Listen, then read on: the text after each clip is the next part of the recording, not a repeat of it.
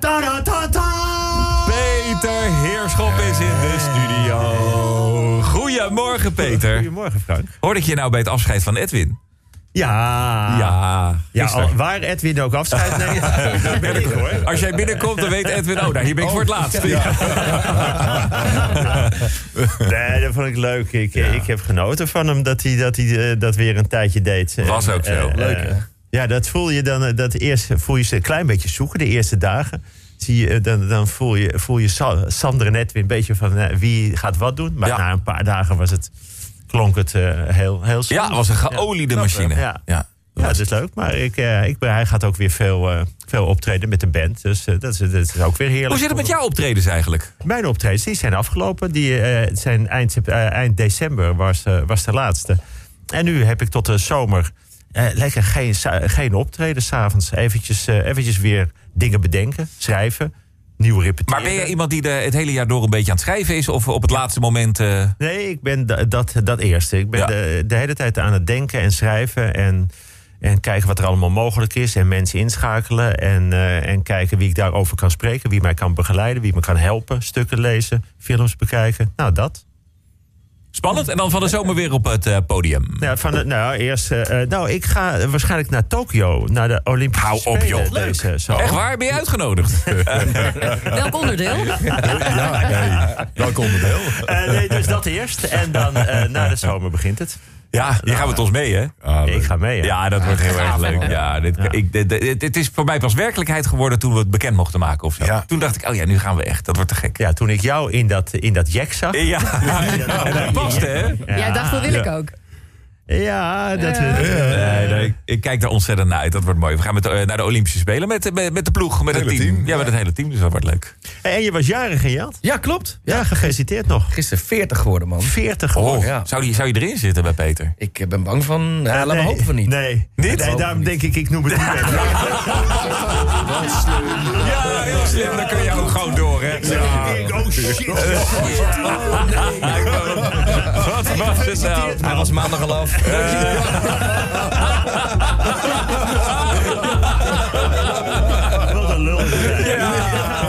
We gaan hem doen, hoor. 40 jaar. Ja. hm. Lieve Marianne, maandag 27 januari. Ja, wat is er dit weekend eigenlijk gebeurd? Premier Rutte die heeft excuses aangeboden voor de houding van de eh, overheid bij de Holocaust. En dat is heel goed. Had veel eerder gemoeten, maar hij doet het toch maar. Zijn voorgangers hebben het allemaal niet gedaan. Sorry zeggen gaat de premier steeds beter af. Hij wil eigenlijk vanaf nu iedere vrijdag bij het persmoment beginnen met... sorry voor afgelopen week. Het coronavirus in China verspreidt zich verder. Uit voorzorg heeft zelfs de grootliefhebber Edwin Evers afgelopen weekend voor de zekerheid een keer geen babi pangang bij de Chinees gehaald. Slaat natuurlijk helemaal nergens op, is ook niet waar. Natuurlijk heeft Edwin wel gewoon zijn babi pangang gehaald. Hij had overigens vandaag wel een beetje verhoging. Maar laten we niet gelijk van het ergste uitgaan. Hoewel wereldwijd zijn er nu 9000 besmettingen van het coronavirus. Dat lijkt niet veel op de wereld. Maar als die 9000 mensen allemaal 10 mensen besmetten en die ook weer 10 en die ook allemaal 10, dan zit je al op 9 miljoen. Waarschijnlijk vooral mannen, want die voelen elke griepsoort toch een stuk erger. Suzanne Schulting is met overmacht Europees kampioene shorttrack gewonnen. Ze won zelfs vijf keer goud. Zij is de vrouw van de 25 Essen. Suzanne Schulting, de subliem slagende shorttrack-sensatie... schaat schijnbaar simpel, scherp, slim, soepel, snel... swingend als een slangenmens, slopend, slalommend... om slachtoffers van haar superioriteit... en staat stralend en sprankelend soeverein op het schafot te zwaaien. Oké, 24 Essen. Rob Rensenbrink is overleden, legendarische linksbuiten van Oranje. Speelde twee WK's voor Oranje. Uitblinker in 1978 in Argentinië. Tel Piet Keizer, Arjen Robben en Hakim Ziyech op. En je hebt een beeld van de klasse van het linkerbeen van Rob Rensenbrink. En opeens viel ook Kobe Bryant uit de lucht. Met basketbal kwam hij ook zomaar eens uit de lucht vallen... bij een van zijn onvoorstelbare slam dunks. Bij zijn 33.643 gescoorde punten in de NBA... waarvan een keer 81 punten in één wedstrijd. Hij was vijf keer NBA-winnaar, 18 keer All-Star... twee keer Olympisch goud... Maar zelfs het grootste succes blijkt relatief. Kobe viel met een helikopter uit de lucht, samen met zijn dochter. Een unieke sportman en zijn kleine meisje. Zoals een andere basketbalgrootheid Magic Johnson het omschreef. Ik hoop mensen dat jullie goed naar hem hebben gekeken. Een speler als Kobe Bryant zullen we waarschijnlijk nooit meer zien. En zijn dochter was waarschijnlijk nog beter. Dinsdag 28 januari. Hij heeft het lang ontkend, maar uit DNA-onderzoek is nu ook gebleken dat de Belgische koning Albert II inderdaad biologische vader is van Delphine Boel.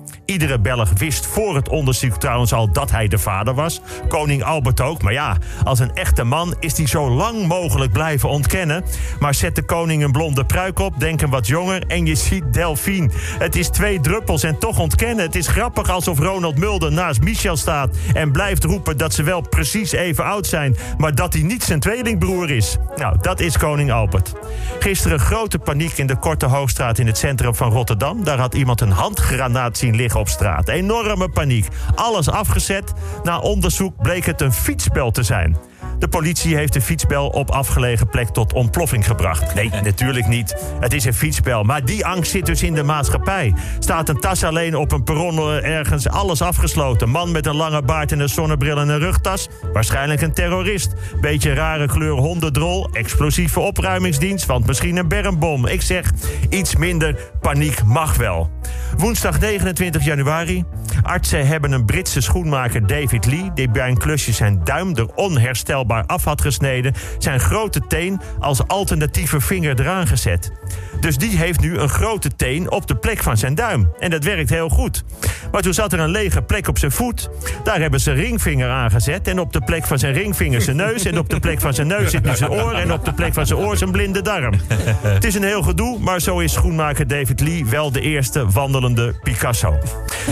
Een wandelaar heeft in een bos nabij een parkeerplaats in Ede een tas met meerdere handgranaten gevonden. Aanvankelijk dacht de man nog dat het om een tas met fietsbellen ging.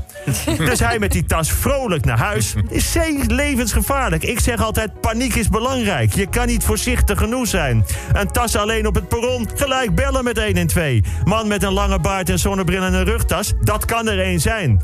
Maar goed, de man heeft thuis dus een handgranaat op het stuur van zijn fiets gezet. En ik moet zeggen, toen hij daar daarmee belde, lag wel gelijk iedereen aan de kant. Donderdag 30 januari. Het onderwijs staakt vandaag en morgen met elkaar. Ik was in Tilburg in het Willem II-stadion bij een geweldige groep zeer betrokken leraren. Twee dagen staken, extra bewust worden van het belang van het onderwijs. Wat ze daar doen. De juf, meester, onderwijzer, onderwijzeres, leraar, lerares, docent, docent of hoe je ze ook noemt. Zij kunnen ervoor zorgen dat iemand die denkt dat hij dom is... zich voor een moment voelt als een Nobelprijswinnaar. Zij kunnen iemand die zichzelf heel slim vindt laten merken dat er nog meer is. Maar allebei het gevoel geven dat ze erbij horen. Dat ze teleurstellen als een ander het gevoel geven dat hij er niet bij hoort. Ze kunnen zorgen dat mensen vragen stellen, dat ze luisteren, denken, praten... dat ze sorry zeggen en het ook menen. Ze leren lezen, rekenen, schrijven, bewegen, begrijpen. Dat ze met iemand anders helpen, ook zichzelf helpen. Dat je van iemand iets gunnen nooit minder wordt. Dat iedereen op zijn eigen niveau het verschil kan maken. Snap je?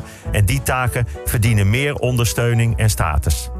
Vrijdag 31 januari. Ik hoorde gisteren bij de staking nog een biologie weetje. Weet je hoe je dyslectische ganzen kunt herkennen?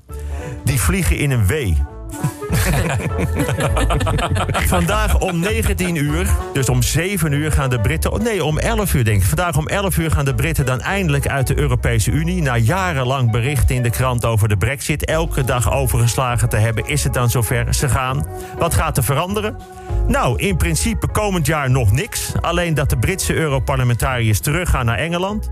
Er wordt komend jaar vooral vergaderd over de regels... die vanaf 2021 gaan gelden. Dus het is een beetje als dat je in principe al bent gescheiden... maar nog wel bij elkaar blijft om te bedenken wat dat dan betekent. Dus zeg maar zoals in 20% van de bestaande relaties. Nou, kortom, alles blijft hetzelfde, maar jij kunt het verschil maken. Te beginnen dit weekend succes ermee.